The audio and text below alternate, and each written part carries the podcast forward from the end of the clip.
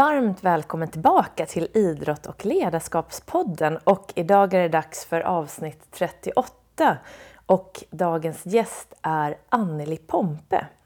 Och Anneli är en professionell äventyrare som både har tagit världsrekord i djupdykning, bestigit Mount Everest och alla de Seven Summits som det kallas. Och eh, det här avsnittet handlar väldigt mycket om just vad äventyr är för något. Att det finns ju både ett inre och ett yttre äventyr. Och eh, Anneli berättar hur hon hanterar rädslor genom att möta dem. Och bland annat har hon faktiskt haft, eller har höjdskräck, tror det eller ej. Och eh, Anneli har sedan 14 års ålder hållit på med mental träning. Och hon berättar mycket om hur hur du kan träna upp dina tankar på ett sådant sätt så att de inte stör dig så att du närmar dig den prestation som vi alla har inom oss. Eh, och Anneli har precis skrivit en ny bok som heter En äventyrares guide till inre lugn. Och eh, vi pratar lite om den och vi börjar hela avsnittet med att Anneli ger dig en väldigt bra andningsövning. Och hon ger dig också sitt bästa tips ur sin bok vad gäller just enminutsmeditationen. Så det blir ett avsnitt fyllt med tips och råd från en fantastisk människa och person. Och nu ska vi också hålla tummarna för Anneli tycker jag som är med i årets Mästarnas Mästare som kör igång här i mars. Men nu ska jag inte prata mer och eh, jag önskar er en riktigt trevlig lyssning och eh, nu kör vi!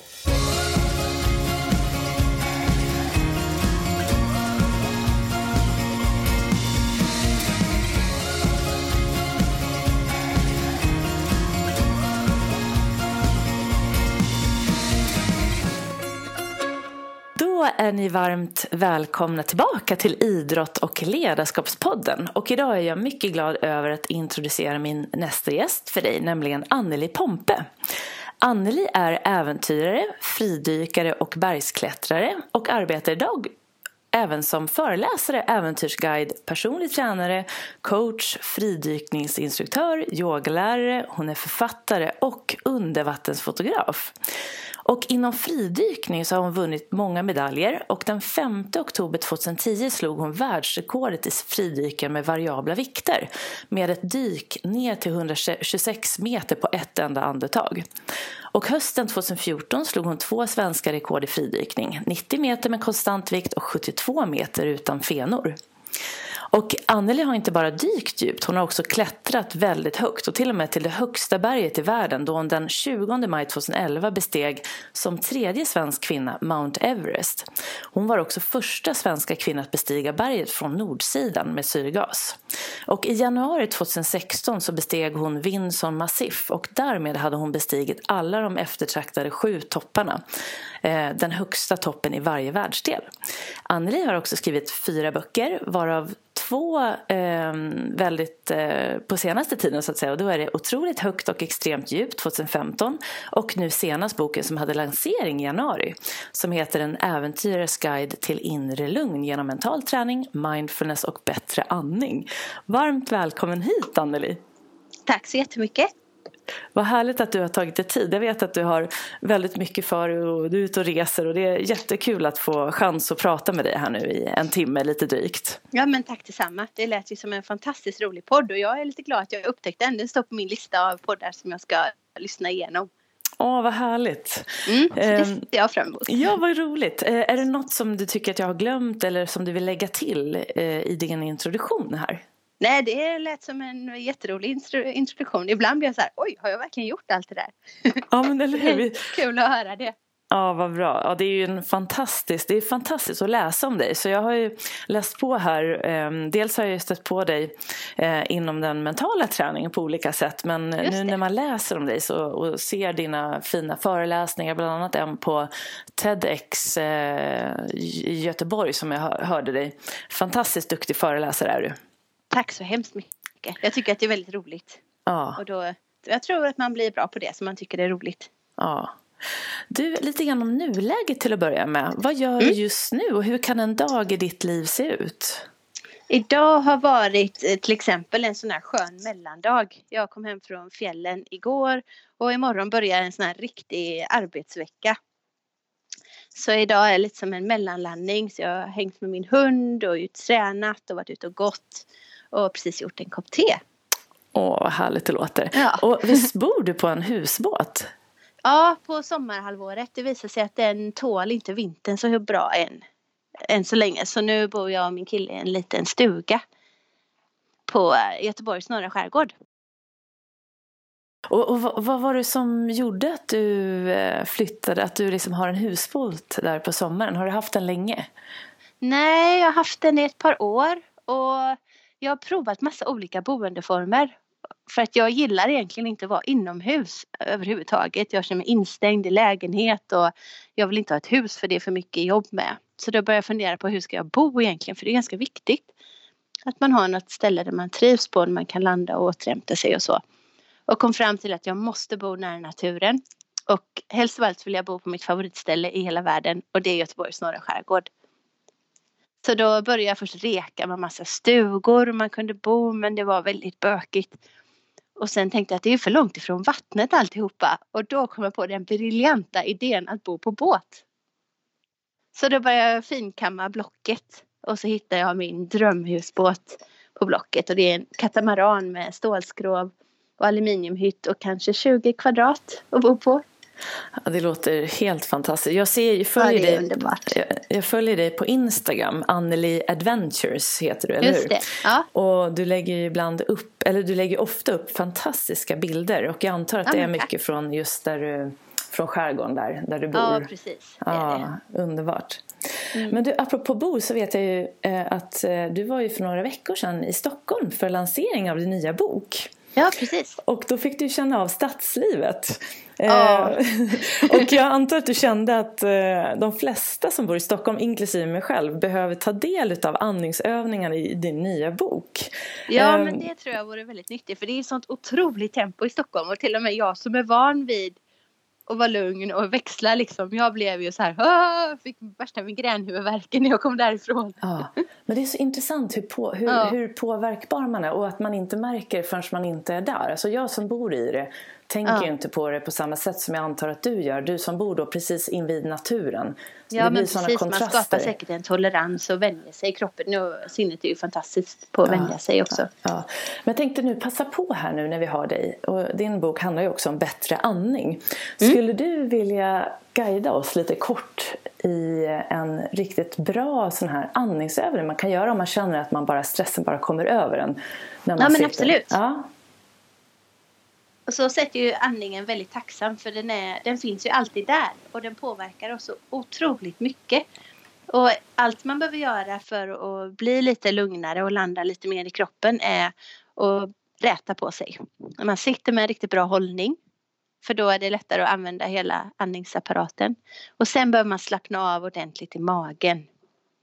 Många håller in magen när de är stressade eller sitter dåligt eller andas dåligt. Så att man behöver verkligen släppa ut magen, slappna av i den och sen andas riktigt djupt genom att börja med att magen får tryckas ut i andetaget. Så man börjar själva inandningen med att trycka ut magen och sen fylla hela bröstet och halsen och hålla andan några sekunder. Och hålla ihop läpparna och andas ut långsamt mellan läpparna. Så det blir som ett Ah. litet ljud så här. Ah, så andas in genom näsan och sen ut Precis. lite lätt genom munnen. Exakt. Och gärna andas in på ungefär tre sekunder och ut på sex sekunder. Då Just får man en fin och jämn djup andning. Ja. Om man känner att, att det är lite tomt i magen eller att den är spänd, är det bra att hålla på magen då också när du gör Mm. den här övningen? Absolut. Om man behöver känna vad det är som händer så kan man lägga en hand på magen och en hand på bröstet. Mm. Just så det.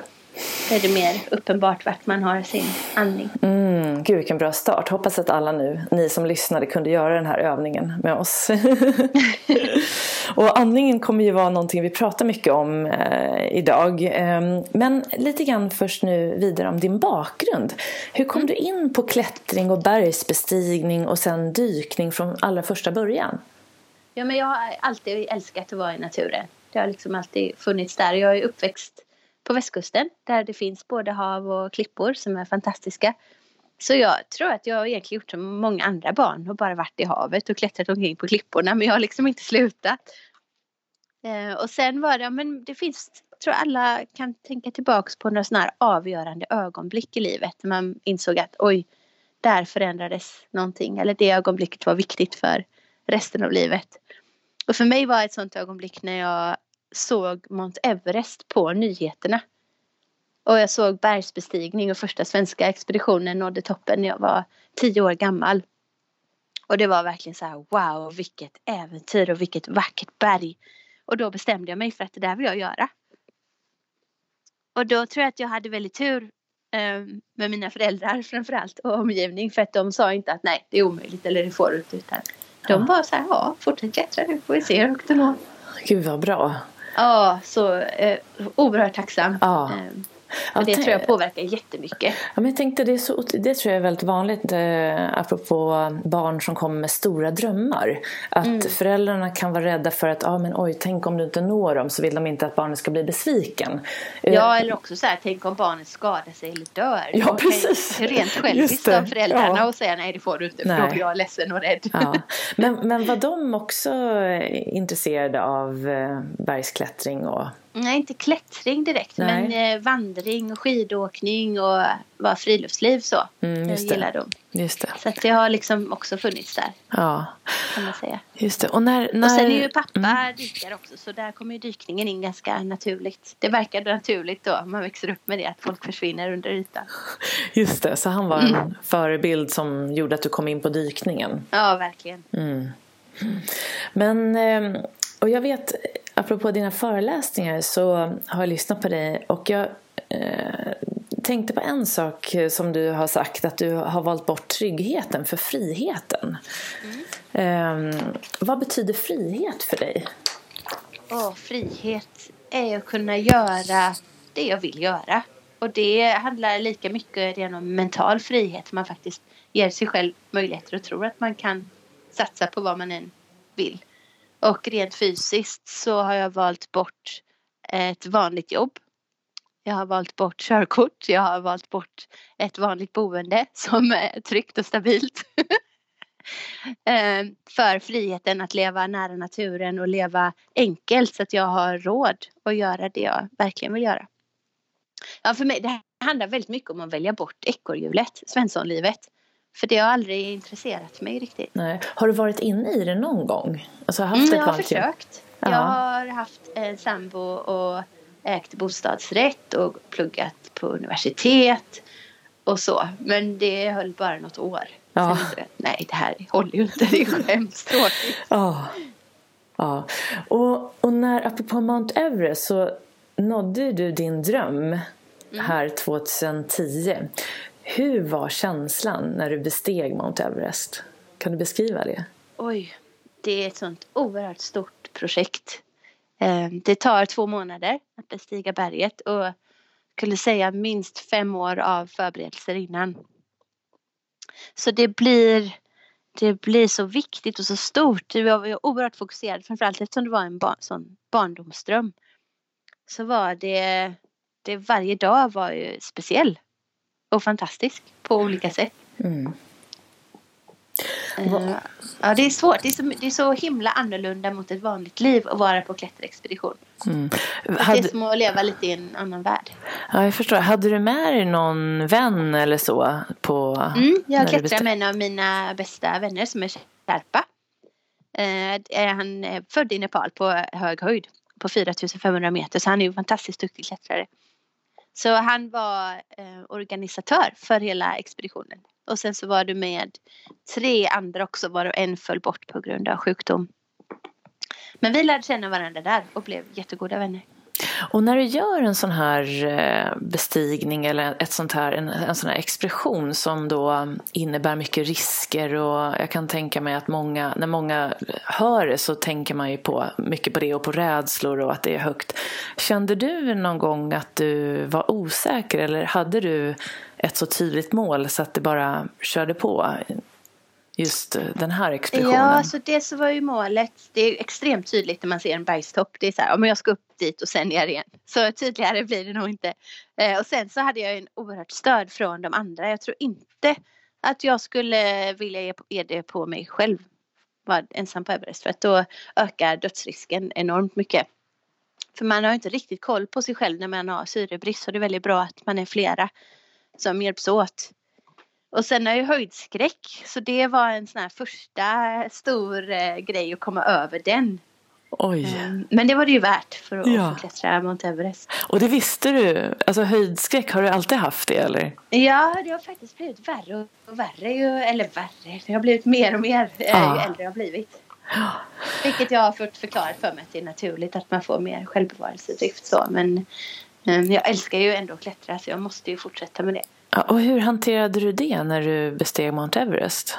Jag hade jobbat jättemycket med mental träning innan. Mm. Eh, olika visualiseringsövningar där jag eh, valde att fokusera helt enkelt på att ta mig framåt istället för att titta ner.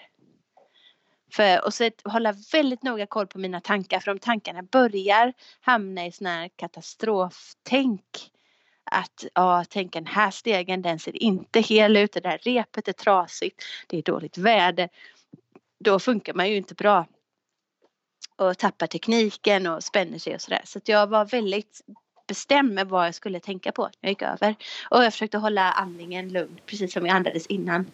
Just Ta det. väldigt djupa andetag och kontrollerade andetag. Just det, och så nu kommer vi in just på det här med andning, för det är ju en gemensam nämnare i din träning. För det behöver man ju vara väldigt bra på, både när du ska dyka djupt och sen då hantera rädslor och när du, när du bestiger berg på det sättet. Hur, hur började du träna upp den och hur tränar du den idag? Jag kom i kontakt med andningsträning första gången genom yogan. Och då var jag 15 år gammal så jag började nosa på det lite grann.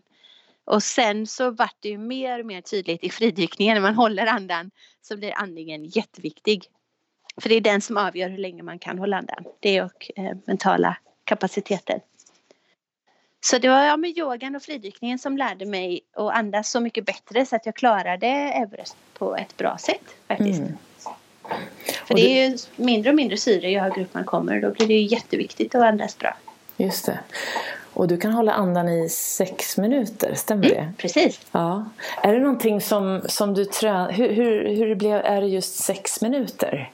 Ja, det var för att jag pressade mig hjärnet. Jag ville så gärna. Jag, jag hade hållit andan. Jag hade tänkt att försöka göra en maxandhållning. Och så låg jag och höll andan och så väntade jag in i det sista och tittade på klockan. Så jag höll andan och kändes riktigt bra. Och sen så tittade jag på klockan och då var den typ 5.45. Jag bara, nej jag måste hålla 15 sekunder till. För jag ville, sex minuter är en väldigt fin siffra. Så att då, det var faktiskt mest jävlar anamma.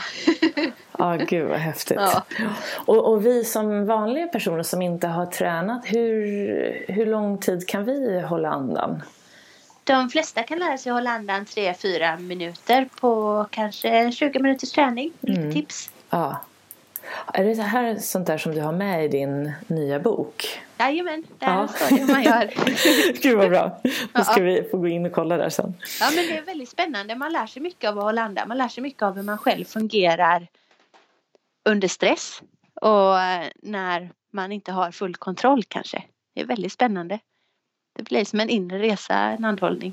Just det, för du, du nämnde det ehm, också i den här föreläsningen som jag såg. När du skulle dyka ner så där, började dyka väldigt djupt så märkte du Mm. att du hade väldigt mycket tankar och att du behövde liksom eh, varva ner själv för att inse att, eller du insåg att det var det du behövde för att kunna dyka djupare och djupare. Precis. Så när du håller andan och börjar andas långsammare, märker du dina tankar tydligare då? Ja, dels så tar man ju bort alla distraktioner. Och man blundar oftast och bara fokuserar på andetaget. Och då blir det ju oftast automatiskt tystare inuti. Varpå man hör vissa tankar mer än andra. Och om man börjar med tankar som att det här kommer aldrig att gå. Det här är jobbigt, jag har inte lust med det här. Då kommer ju kroppen ge upp och inte ens försöka klara det. Skulle jag säga. Så att i andhållning så märker man verkligen hur alla tankar påverkar kroppen och Just det. påverkar ens prestation. Mm. Och när du då eh, skulle dyka så där djupt och eh, i samband med det, var det efter det som du skrev boken Otroligt högt och extremt djupt?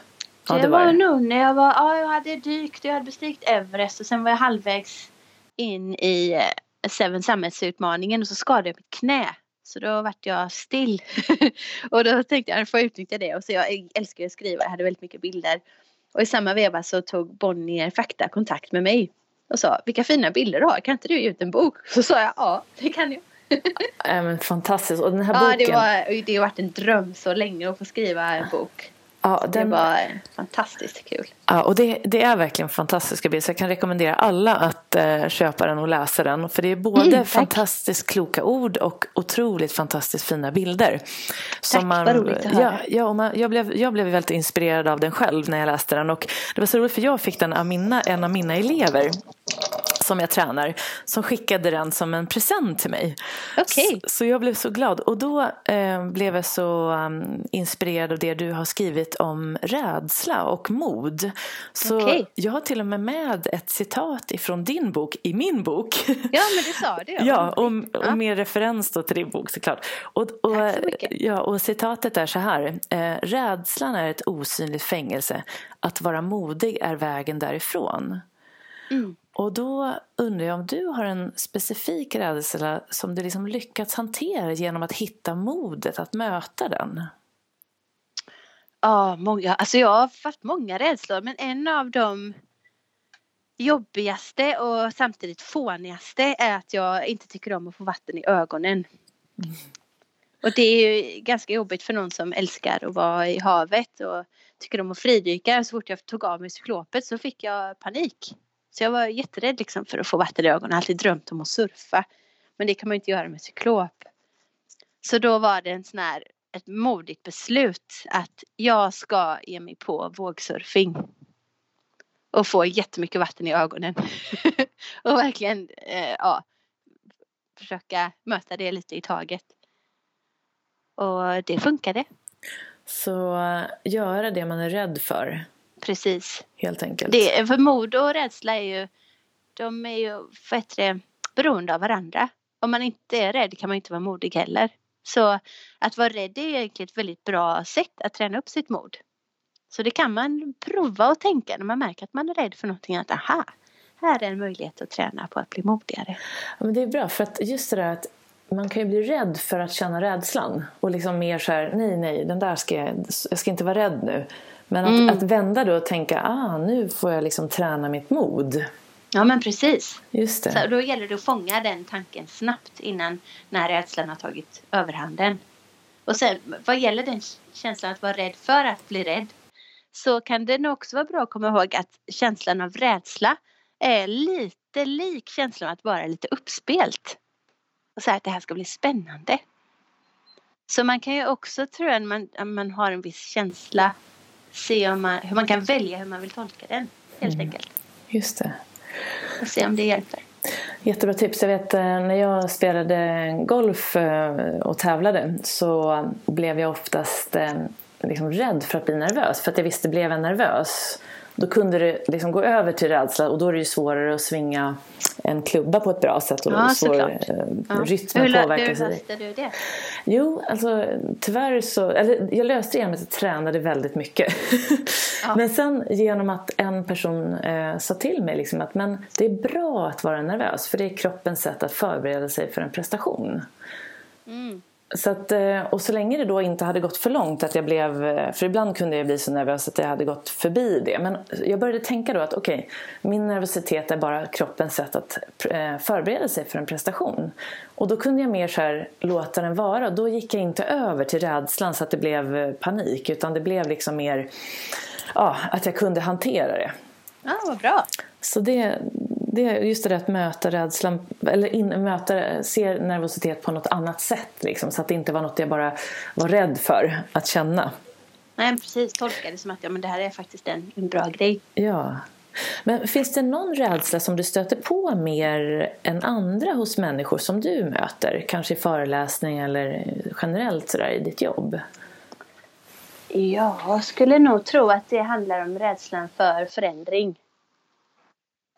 Ehm, att saker förändras så snabbt och man, ofta så handlar det om att man, inte, man är rädd för att man inte ska kunna hantera det som händer. Och då blir det lätt hänt att man istället försöker undvika förändring och hålla kvar vid allt så mycket som möjligt och, så att ingenting um, ska vara annorlunda. Men allting kommer ju förändras på ena eller andra sättet. Så det tror jag är en väldigt destruktiv rädsla. Och hur jobbar man med den om man nu känner igen sig? Jag tror att det kan vara bra att möta den ehm, lite nästan KBT-mässigt. Att man närmade sig med väldigt, väldigt små steg. Som man faktiskt är övertygad om att det här steget kommer jag klara av. Om man ska ta ett jättebanalt exempel så kan det vara men köp en annorlunda juice nästa gång du handlar eller byt en vana som du alltid har haft och se hur du hanterar det. Just det. Här har ju du väldigt många tips eh, i din eh, första bok, den här, eller din tredje bok, fast den som jag läste, den här otroligt högt och extremt djupt. Apropå lite så här vardagsäventyr eller vardagsutmaningar. Ja, ja, för äventyr, det tycker jag är lite synd just med, med stämpeln äventyr. Att ja. Många tror att det ska vara så hårt och dyrt och eh, långt bort och farligt. Men äventyr är ju precis det som du tycker är äventyrligt och spännande. Mm. Så jag tror att man kan försöka hitta såna här små äventyr oftare i vardagen. För då kan man göra äventyr varje dag istället för bara när man har semester. Just precis, så det behöver liksom inte vara något jättestor som tar massa tid att förbereda utan bara liksom titta i, i sin egen vardag. Ja men precis. Mm. Och det, de här spontana små äventyren blir ibland de roligaste. Just det. Och, och vilka är dina viktigaste lärdomar från dina egna äventyr? Oj. Hmm. Ja, fridykningen får jag nog faktiskt säga det som jag har lärt mig mest av. För att klättring och berg och sånt där, det kan man läsa sig till och man kan lära sig mycket hur väder och utrustning och olika taktiker funkar. Men fridykning är så oerhört mentalt. Det sitter nästan bara i huvudet. Och med att alla huvuden och tankesätt är olika så gäller det att mm, verkligen möta sig själv. Och försöka övertyga sig själv om att man klarar av att dyka till 126 meter. Och det är svårt. Det är jättesvårt att kontrollera tankarna tror jag inte att man kan göra. Men det behöver man vara väldigt nära när man fridyker. Just det. Och har du, har du någonsin varit sådär på väg ner eller när du är nere och dyker och så kommer det då en tanke som stör dig? Som mm. du, har du då kunnat lyckas hantera den eller har du någon gång behövt avbryta då? För att jag har avbrutit många gånger. Ja. Jag har oerhört många misslyckade dyk bakom mig. Ja. Oftast på grund av en enda felaktig tanke. Just det. Och det är ju så störande. Mm. Då kanske man har laddat upp i flera år av träning och eh, gett upp otroligt mycket av sitt vanliga liv för att träna och bli en duktig fridykare. Bara, nej, jag hade otur när jag tänkte. Vi gick inte det dyket.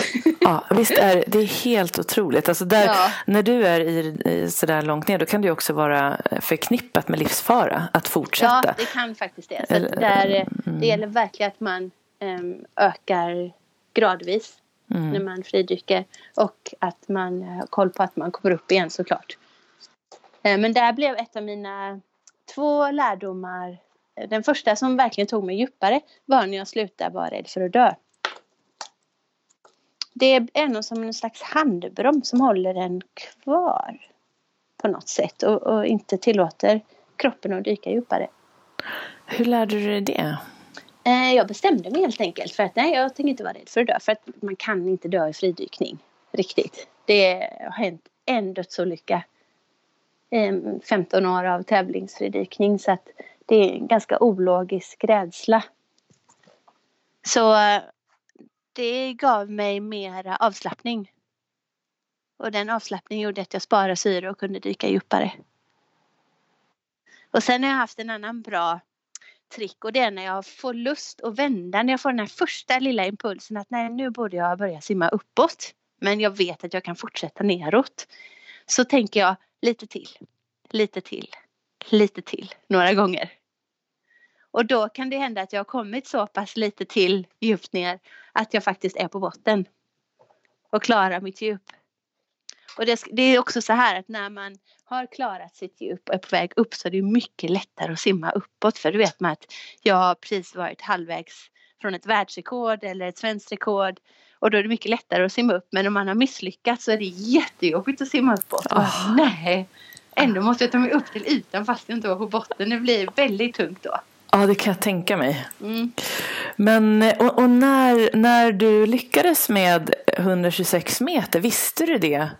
Du visste det när du liksom nådde då? För det var en... en eh, ja, ett du visste det. Ja, ett stopp där, precis. Ja, oh, gud. Det måste vara... Jag har faktiskt sett en, en film. fantastisk känsla var det. Ja, jag såg en film på dig när du kom upp där. Och jag såg verkligen. Det smittade av sig den där glädjen. Oh, Väldigt starkt. Ja, det var en oerhörd glädje. Ja. Det var det. Vilka är dina styrkor skulle du säga? Mm. Jag tror en av mina viktigaste styrkor är att när jag bestämt mig för att göra någonting så tror jag att jag kommer klara det. Och det har nog med att göra med att jag faktiskt har lyckats med mycket av det som jag har företagit mig. Så jag tänker så här, ja, men jag ska lära mig spela gitarr så jag är ganska säker på att jag faktiskt kommer göra det om ett halvår. Jag, jag, det är så himla klyschigt men jag tror inte att någonting är omöjligt. Just det. Och du har en stark självbild låter det som. En stark ja, tro på dig själv, både ja. självkänsla och självförtroende. Och... Ja, ja. Jo, Skulle du säga det? Ja. ja. Mm. Och när man, just det här med mål då, att liksom tro på det man sätter upp som mål så att man verkligen mm. har den där tilliten, då ökar ju chanserna markant såklart att man når det. Men eh, och, och, och, när man väl har nått sitt mål så tänker jag just när du, när du nådde ditt mål med att bestiga de här sju topparna och även när du nådde Mount Everest och när du dök djupast i havet. Den där tiden efter att ha nått ett mål, hur har du hanterat den? Mm, det har varit lite olika. Um, fridykningen var inte så svårt för då hade jag redan bestämt mig för att jag skulle upp på Mount Everest inom ett år så då var det ju full fokus på nästa träning och förberedelse som var väldigt viktig dessutom. Men efter Everest som var egentligen ett större och viktigare mål så var det oerhört tomt efteråt. Och det var en av de jobbigaste tomheterna som jag har varit med om för det finns inget högre berg. Och eh, om det inget, ja det var lite en sorg också att jag tänkte att inget kommer någonsin vara lika viktigt som Mount Everest. Nej. Och hur bearbetade du det därefter? Fick du hjälp då eller kunde du klara av att komma förbi det så att du kunde hitta nya mål därefter? Det tog extremt lång tid, eh, gjorde det. Eh, för det var en så stor upplevelse också. Everest tar ju väldigt lång tid att smälta. Ja, jag skulle säga att det tog, det tog nog två år att komma ner från berget helt eh, mentalt också. Och um, det hjälpte att klättra flera berg. Ja, just det. det var ju så roligt. Så jag var lite så här, men varför klättrar jag egentligen? Men det var alltså det är ju det är så roligt att vara på expedition. Så det var mera tillåta glädjen att ta över istället för bara prestationen igen. Så det var en, en väldigt stor hjälp. Och sen hade jag ett gott tips faktiskt av eh, Ola Skinnamo. Eh, som också äventyrare. Han sa att det är okej att det är tomt ett tag. Och det hade jag aldrig tänkt på för att jag är väldigt mycket så här, jag har gjort det ska jag göra nästa grej och sen med mer grejer som är roliga att göra. Så det här med att stanna upp, det har aldrig varit riktigt min grej. Just det. Till för några år sedan mm. när jag kom nog ganska organiskt det behovet faktiskt av att stanna upp. Eh, igen tror jag att mycket tack vare yoga och meditation så insåg jag att mm, jag behöver nog stanna upp lite här och se vart jag är på väg. Var det någonstans där som du eh, började tänka på det inre äventyret lika mycket som det yttre äventyret? Eller har det alltid varit någonting du varit ja, intresserad av? Ja, det har alltid funnits där. Det har egentligen ja. varit det som varit mest spännande. Mm. Och se vad händer eller hur, hur ska jag ta hand om de mentala bitarna så att jag klarar det här. Just det. Och det är nog egentligen det som har lockat in mig i de sporter jag håller på med för att de är oerhört mentala. Och så är ju naturupplevelsen såklart. Men det mm. blir liksom en bra kombination. Ja, precis. Och när, när man håller på med sådana här expeditioner som du sa, det för, lång, lång förberedelse och, och så vidare. Hur, hur viktig är planering för dig? Och, och kan planering och frihet samsas så att säga i samma rum? Ja, det har jag aldrig tänkt på att de skulle vara osams faktiskt. Nej. ja, man kanske behöver planera för att få frihet också. Just det. Det beror nog helt på vad man har för inställning tror jag till själva planeringen. Men att, att planera en expedition är ju att planera två månader av frihet. ja, precis. Just det. Ja. Ja. men exakt. Så att planera ger ju frihet. För ja, att man vet vad man ska man göra sen. Mm. Precis. Nej, brukar... Ja, det kan vara en viss trygghet att veta vart man är på vägen och det här med att ha mål. Jag tycker det är så skönt. Ja. Man kan liksom vara trygg och vila i nuet och man vet vart man är på väg. Precis, för det, det, är en fråga som jag brukar få av mina elever just när man pratar mycket mål och vart vill du och vad är din riktning och sådär. Hur, hur kan man samtidigt vara i nuet? Brukar jag få frågan.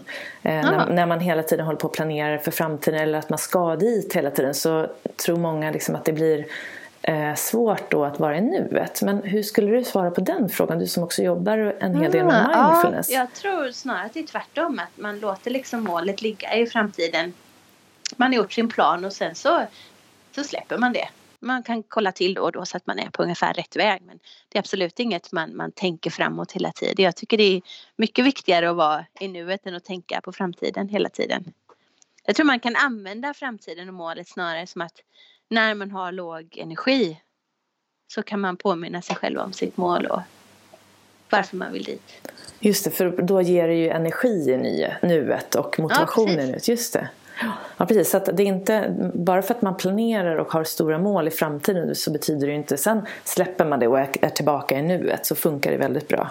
Ja, precis. Ja. För gör man det bästa man kan varje sekund eller nästan varje sekund i nuet så kommer man ju komma till målet. Ja. Um, och vi pratar ju en hel del om mental träning här så jag tänkte vi skulle gå vidare lite på det. Och um, mm. man kan ju träna upp kroppen till en viss nivå rent fysiskt och tekniskt men sen sitter ju det mesta i huvudet tror jag de flesta håller med om. Mm. Uh, och det får man ju också höra av sådana som dig när ni, när ni når sådana här höga prestationer. Och när fick du kontakt med just mental träning för första gången? Jag hittade en bok av Lars-Erik Unestål på Göteborgs stadsbibliotek. Och den tror jag förändrade mitt liv. Det var verkligen som någon tände en glödlampa. Det var så här, åh, nu förstår jag. Det är ju det här som är viktigt och spännande och så. Och då var jag 14 år gammal hade precis börjat tävla Oj. i klättring. Ja. Och hade då läst alla böcker om klättring och berg och så hamnade jag på idrottspsykologihyllan som var oerhört liten på den tiden. det fanns nog kanske två, tre böcker och så Lars-Erik Uneståls kassettband. Just det. Så då började jag med mental träning. Och jag ja, började i så tidig ålder det tror jag ger en fantastisk fortsättning i livet. Ja, tänk att du gjorde det. Så det var bara, du hittade den här boken och började läsa själv helt enkelt och följa ja. guidningarna som fanns. Precis. Sen bör jag tillägga att jag alltid haft intresse för idrottspsykologi, alltså psykologi i allmänhet och filosofi och, och religion. Ja, det. Det var en ganska naturlig bokhylla att hamna vid men just att komma i kontakt med det så tidigt tror jag är ja. Oerhört nyttigt. Och något som jag upplever själv att Lars-Erik just har en förmåga att uttrycka det är just att han gör det så väldigt enkelt att förstå ja, det man visst. läser. Precis. Eller hur? Med övningar ja, och så det var ju helt uh, fantastiskt att du fick tag i just den. Och det var säkert ja, någon mening med det också. Mm. Ja, det tror jag med. Sen har jag ju fortsatt att följa Lars-Erik och gått på flera av deras kurser och sådär. Så det, det är ju verkligen roligt. Ja. Och härom veckan så fick jag en fråga av en av, jag tränar en del juniorer. Och mm. då satt jag med en grupp, de var 16-17 år ungefär. Och så är det en av killarna där som räcker upp handen och frågar Men när vet jag att jag är mentalt stark? Eller hur vet man att man är mentalt stark? Och jag blev... Oj, vilken intressant fråga. Eller hur? Vad skulle du svara på den frågan? Fråga. Ja, eller hur? Hur vet jag man tror, man är Ja, men det är nog en blandning av känsla och tanke tror jag. Mm. Eh, till exempel rör sig om fotboll. Man står och ska lägga en straffspark och man tittar på målet, tittar på bollen och så tänker man det här sätter jag. Det, då vet man att man är mentalt stark. Ja, och så gör man det. Om det är i idrottssammanhang. Just det. Mm. I andra sammanhang kan det handla om att möta en rädsla eller eh, säga nej eller säga ja till något man aldrig gjort förut. Just det. Det är också mental styrka. Ja. Det var en bra definition att känsla och tanke på något sätt är starka och jobbar tillsammans. Ja, men precis. Mm. Och eh, vad börjar man med att träna på? Om, om det nu är någon som lyssnar och så, så pratar vi nu om mental träning och sådär. Vad, vad, vad börjar man för att träna upp sig för att bli mentalt stark? Jag skulle säga att det börjar ganska enkelt med att man börjar lyssna på sina tankar på ett väldigt objektivt sätt. Bara observera att du tänker, vad du tänker och hur det påverkar dig. Jag tror om man börjar där så kan man börja inse graden av hur starka tankarna är och hur mycket de påverkar en. Och därefter skulle jag säga att avslappningsträning blandat med koncentrationsövningar kan vara en bra fortsättning. Så enkelt steg ett och steg två och sen är det ju bara att gotta ner sig i den här eh, verktygslådan av allt som man kan jobba med. Ja, och bland annat så har ju du i den här nya boken, har du, den handlar ju då om mental träning, alltså hitta ditt inre lugn genom mental träning, mindfulness och bättre andning. Har du tagit mm. med eh, sådana här typer av tips, just hur du får mer fokus? Och, ja, absolut. Eller hur? Ja. ja. Så där, och, och den är ju... Meditation ligger ju väldigt nära mental träning tycker mm. jag, så det handlar väldigt mycket om olika meditationsövningar man kan testa mm. för att få bättre fokus och avslappning. Mm.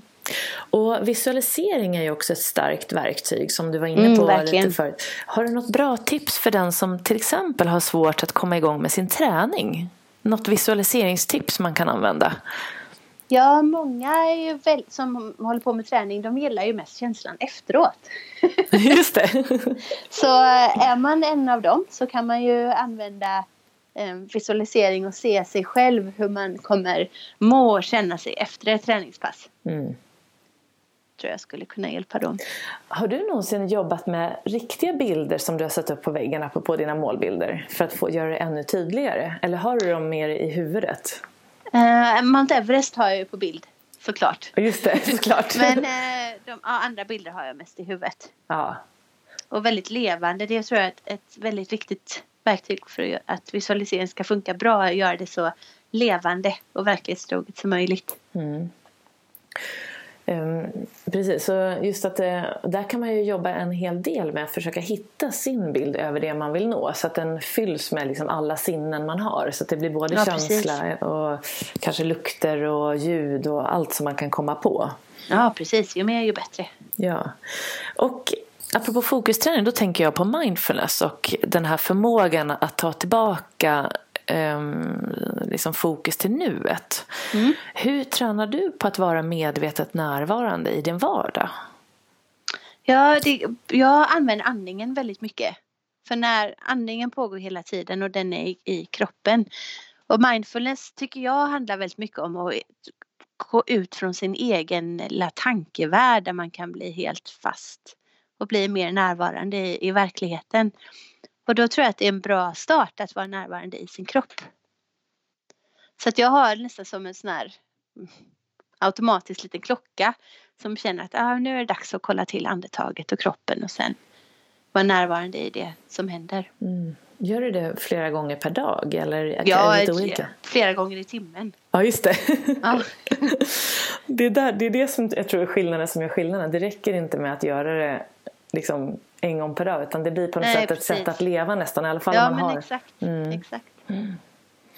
Um, och um, jag hade en fråga här, vilka dina ledord är för att behålla din egen närvaro och mental styrka? Har du några sådana ledord? Hmm. Nej, inte något uttalat faktiskt. Inget jag har skrivit ner eller tänkt på men ett, ett viktigt mantra som jag har levt med är att släppa taget. Ah.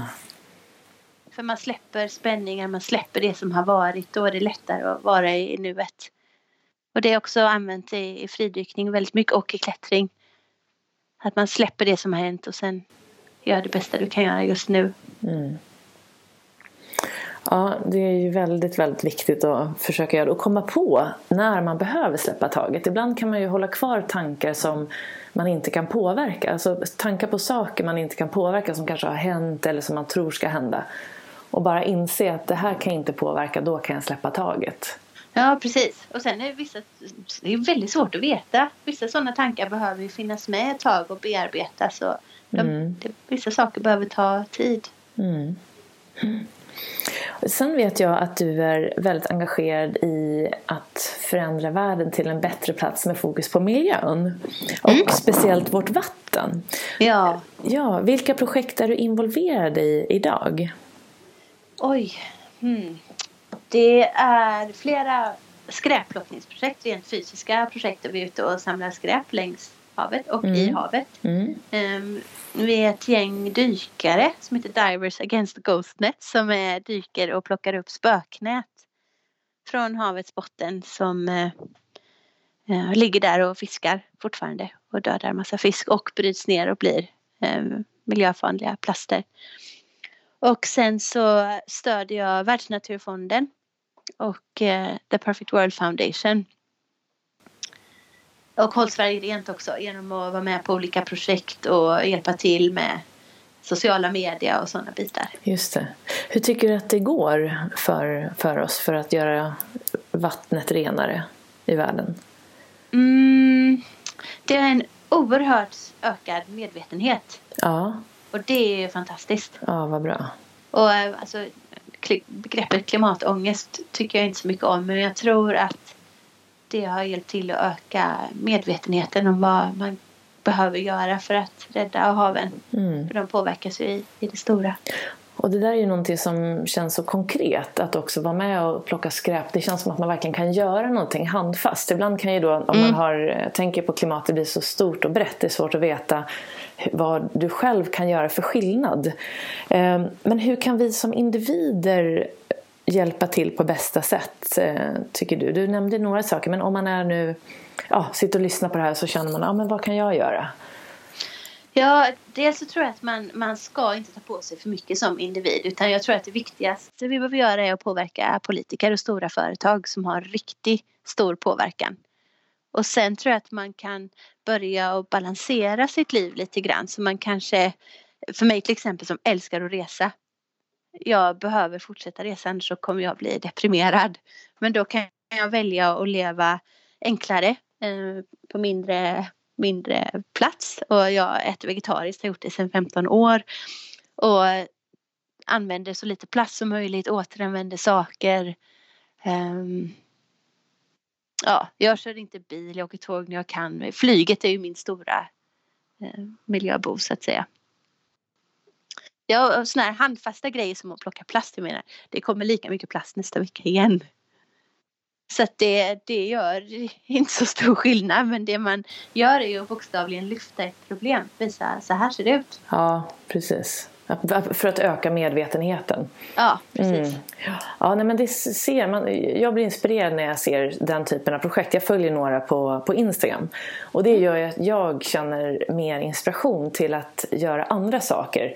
Att liksom ännu mer tänka på att vara hållbar eh, i, i levande. Så det kan ju sprida sig bara för att man ser någon, någonting handfast.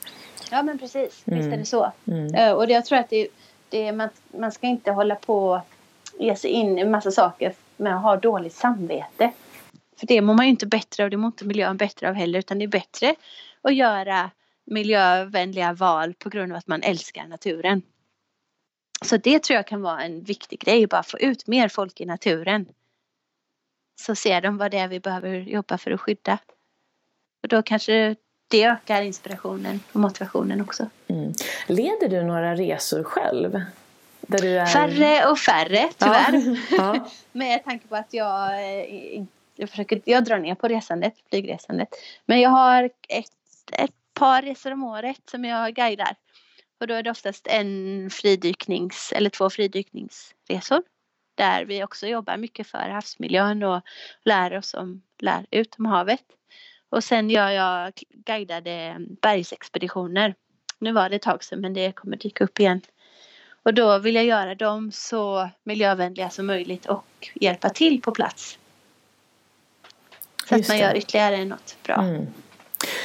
Och, och, då kom vi in lite grann på samarbetspartners och det var jag lite nyfiken på. För att jag läste om det i din bok. Jag tror att många som lyssnar också kanske är egna företagare eller eh, jobbar på företag där man liksom skulle vara intresserad lite grann av tips kring hur man kan tänka kring flera samarbetspartners. Jag tyckte du skrev mm. så klokt där om just hur du hittar rätt samarbetspartner så att det verkligen blir en sån här win-win känsla. Så hur har du gjort för att hitta de rätta samarbetspartners för dig? Jag har kollat upp företagen ganska noggrant och sett vilka som jag kan relatera till och vilka jag gillar för då vet jag att det här kommer bli jättelätt att, att jobba med. Om man redan gillar det de gör. Och sen är det viktigaste att man kommer eh, överens med personerna som driver företaget. För om man inte har en, en mänsklig relation um, utöver ett samarbete och utöver produkter eller vad det nu kan vara så tror jag inte det kommer gå bra. Uh, det ska inte finnas någon press eller så här, du måste göra det här annars så kommer det här hända för då, då kommer det inte bli bra. Nej, just det. Så att det ska kännas bra. Och, Absolut. Ja, just det. Ja. Eh, och när, när du eh, föreläser mm. Eh, så kan jag tänka mig att det dyker upp många frågor. Vilka är de frågor du mest brukar få? Hmm. Jag berättade ju om när jag var på tystnadsretreat för det var ett stort äventyr. Ja. Så det berättade jag om på de flesta föreläsningar. Just. Och det är faktiskt den vanligaste frågan. Vart gjorde du det där tystnadsretreatet? Ja, just det. ja, för det är många så här, wow, vad tyst i tio dagar liksom. Det är, det är fantastiskt jobbigt och mm. häftigt samtidigt. Mm. Så det, var, det är kul att många blir intresserade av det. Och det jag har varit på många olika tystnadsretreat för att svara på den frågan. Ja. Åker du sådär ja. en gång per år eller har du någon sån regelbundet? Nu Nej. känns det som jag har upparbetat ett sånt stort lugn. Så att jag, eh, men jag har varit där i åtta år. Ah. Ja, åtta gånger blir det. Mm. Tio år, tio oh. dagar per gång. Vart är det någonstans som du nu får? blir jag också nyfiken. Ja, um, det finns ett ställe som jag gillar bäst som ligger i Thailand som heter Swan Mok. Ja. Och så finns det ett ställe i Nepal, Kathmandu, som heter um, Kopan. Och det finns ett ställe i Frankrike som heter Plum Village. Och sen så håller jag och min kollega Cecilia Duberg egna tystnadsretreat mm. i Sverige. Mm. För att ge det um, ganska lätt för människor att ta steget och testa och vara tyst och hitta lite inre lugn i alla fall. Och då har vi oftast varit på spa. Ja, just det. Man ska sova bra och äta bra och få bada lite. Ja.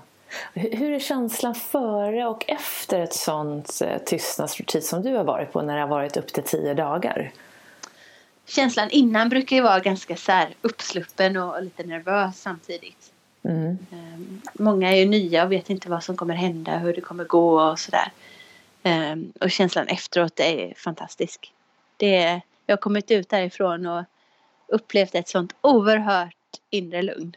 Ja, det var det som hände första gången jag var på tystnadsretreatet. Jag hittade en plats inuti där det alltid var lugnt. Och den eh, vart lite stressig den platsen eh, sen när man var tillbaka i det normala livet för länge. Så det tog de här åtta gångerna innan det liksom vart mer varaktigt. Och sen behöver man ju fortsätta träna såklart i, i vardagslivet mm. för att behålla det. Är det meditationen då som du har som vad ska man säga, ja, verktyg? Ja, precis. Mm. Hur länge brukar du meditera? När du mediterar? Jag mediterar varje dag minst en minut. Mm. Det har jag lovat mig själv. Och ofta så blir det mycket mer än en minut. Det blir kanske mellan tio minuter, en kvart varje dag. Men jag har lovat mig själv att sätta mig ner en minut. Och ibland vissa månader har hjärnan hunnit komma igång så pass mycket så att den är redan helt vild på morgonen och då kan det vara så här, nej jag måste gå ut och springa innan jag mediterar eller någonting. Just det. och ibland så är det den bästa starten som, som går att få mm. börja i stillhet. Mm. Vad tror du är viktigast för oss människor idag för att behålla vårt välmående och det här inre lugnet och samtidigt kunna nå den här starka potentialen som alla har inom sig? Hmm.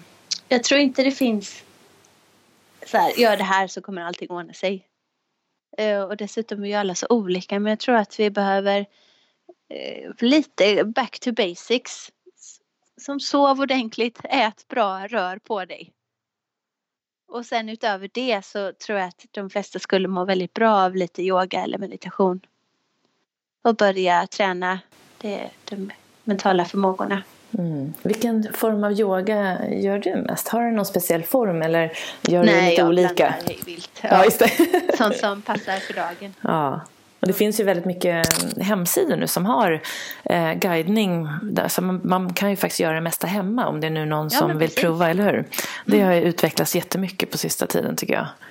Ja, det är roligt. Det, är så här, Mm. det gäller att ingen ger upp. Nej, När man provar en yoga och inte gillar den utan att man faktiskt fortsätter och Ja. hitta någon stil som man gillar. Just det. Och, och den här nya boken igen nu då, som, som är så himla fin. Jag sitter här och håller i den framför mig. Det är en fantastiskt vacker bild på dig framsidan. Och sen är det ju en guide, så det är väldigt mycket fina och fantastiska övningar i boken som handlar då om mental träning, mindfulness och bättre andning. Ehm, skulle du vilja beskriva boken och hur du har lagt upp den? Mm, jag har lagt upp den med många övningar därför att man kan inte läsa sig till inre lugn och mental styrka utan man behöver träna det. Och då blev den här idén med en guidebok. Att det blir lite som en guide till ett äventyr. Så man ger sig iväg och gör de här små övningarna. Inga övningar tar jättelång tid. Det är inte så här, det här måste du göra i en månad. Utan många kan du göra på eh, några minuter. Just för att det ska vara, jag tror att det är viktigt att det är lätt insteg. Ja, Så man får smaka på och testa och så. Mm. Och vilka, har du någon egen favoritövning från boken som du skulle vilja dela med dig? Av? Mm. Ja, eh, det är den här enminutsmeditationen faktiskt. Att meditera en minut om dagen. För det kan faktiskt ingen säga att de inte har tid med. och det kan vara ett bra sätt att, att starta. Och bli nyfiken på meditation och sina tankar. Och skapa lite inre lugn och mental styrka. Och hur gör du då? Och de, om det är någon som liksom inte har mediterat och så om du ska sitta ner en minut och meditera, vad gör du då? Mm. Då kan du sätta dig precis vart som helst. Med rak rygg. Du kan sitta på golvet, i soffan eller i en stol. Sluta ögonen. Ta ett djupt andetag. Och fortsätta andas och bara observera dina tankar utan att ge dig in i dem. Det, det var en, en munk som gav oss väldigt bra tips angående den här enminutsmeditationen som han sa att det här är perfekt för en nybörjare eller någon som har väldigt eh, stressiga tankar eller fullt med monkey mind som han sa. Att eh, låtsas att man har en webbkamera inuti sitt huvud som observerar utan att döma eller liksom säga till någonting utan bara observerar. Ja, och låt, bara låta alla tankar vara oavsett Mm. vad det är. Precis. Ja, vilken bra, väldigt bra bild. Det är nog väl, lätt, Ja, men jag lättare då. den också. Ja. Ja.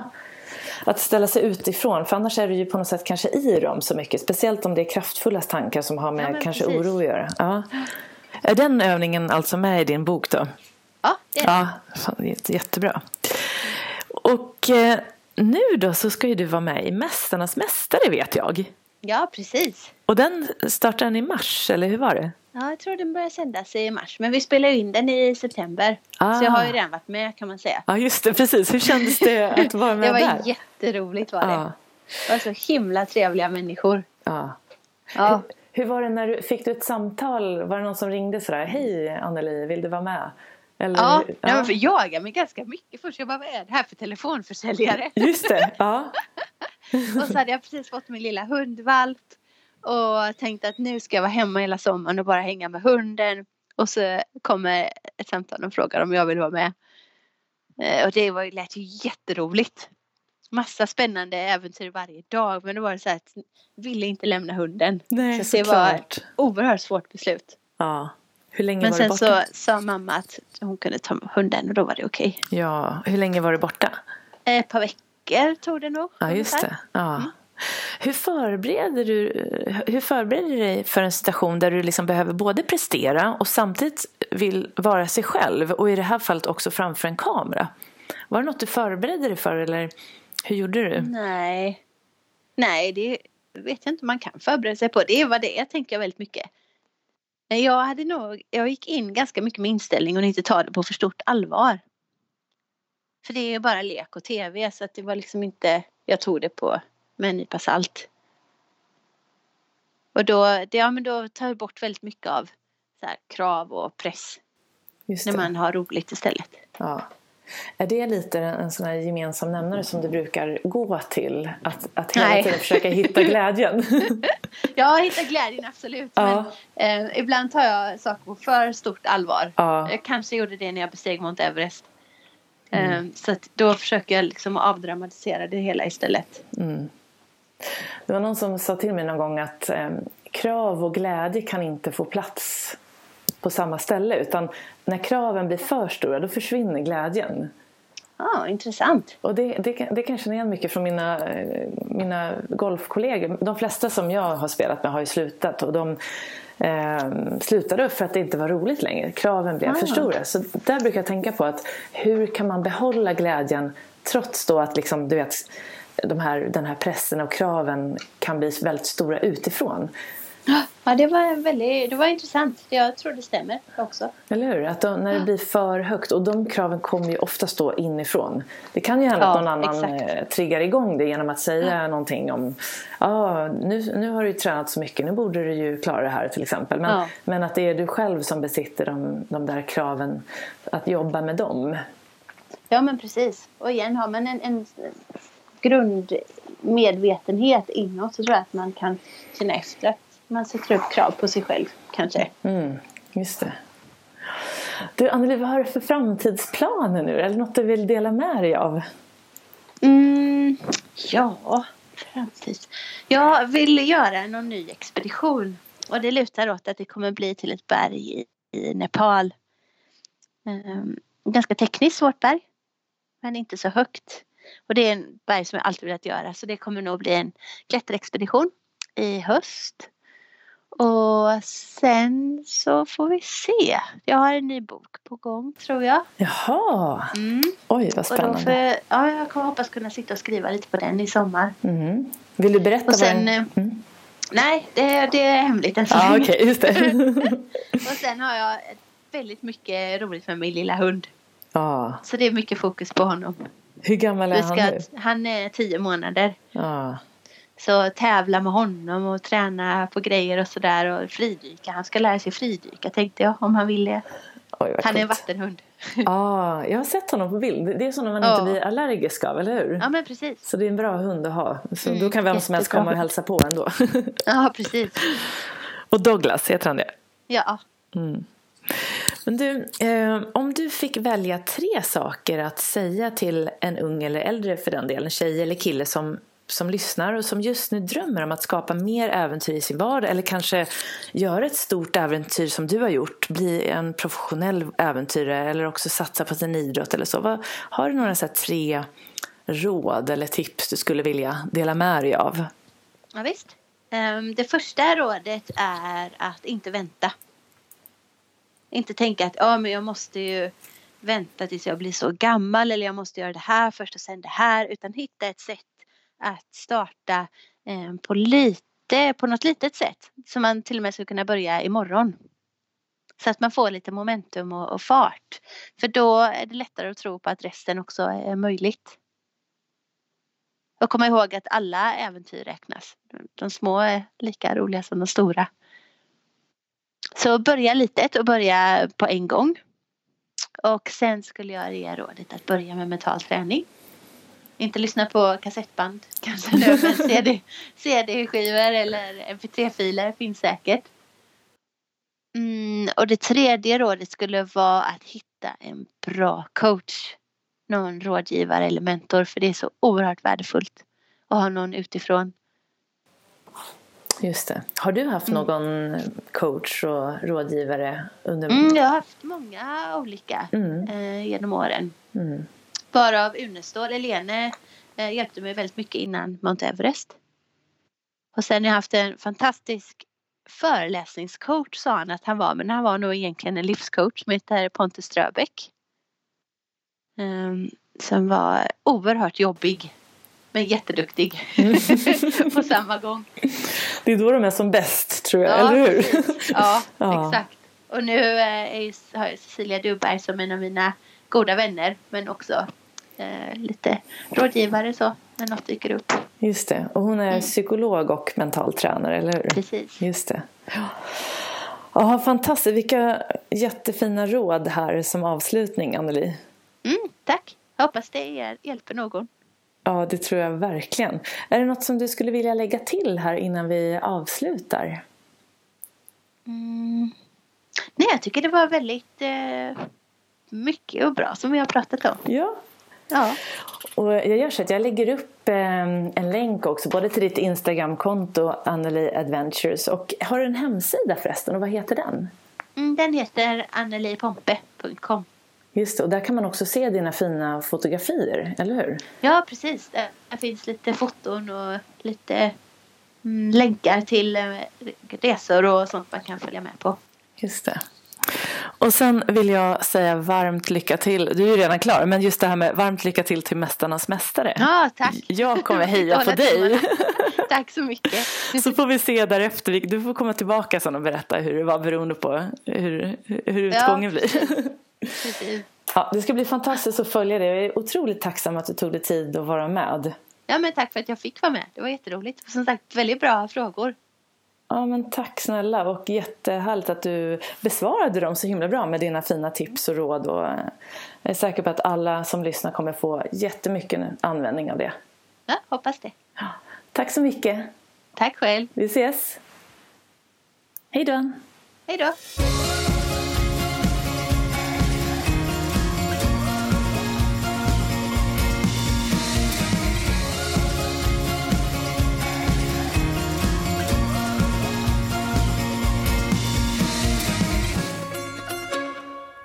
Har du fått lyssna till mitt och eh, Anneli Pompes samtal och jag hoppas att du har fått med dig många tips och råd som du kan ta med dig in i din egen vardag. Och eh, vill du veta mer om Anneli så kan du som hon nämnde gå in på hennes hemsida annelipompe.com och du kan också följa henne på Instagram på Anneli Adventures. Och eh, här hittar du på hennes hemsida då också information om Eh, bland annat hennes resor och de här tystnadsretreaten som hon berättade om. Så jag hoppas också att du följer Anneli på Mästarnas Mästare och vi ska hålla tummarna för henne tycker jag. Och vill du beställa hennes böcker så finns de på alla ställen där böcker finns och då var det då en bok som jag eh, själv har läst och det är eh, otroligt högt och extremt djupt och sedan hennes senaste bok En äventyrares guide till inre lugn och i de här böckerna så finns i princip alla tips och råd som, eh, som vi har pratat om här idag på ett väldigt enkelt och eh, konkret sätt. Och eh, vill du veta mer om mig så kan du gå in på jennyhagman.com och så hoppas jag också att du följer med i Idrott och ledarskapspodden i nästkommande avsnitt. Och du kan alltid höra av dig om du har frågor på info jennyhagman.com. Nu önskar jag dig en fortsatt trevlig dag eller kväll och eh, ta hand om dig så hörs vi snart igen. Hejdå!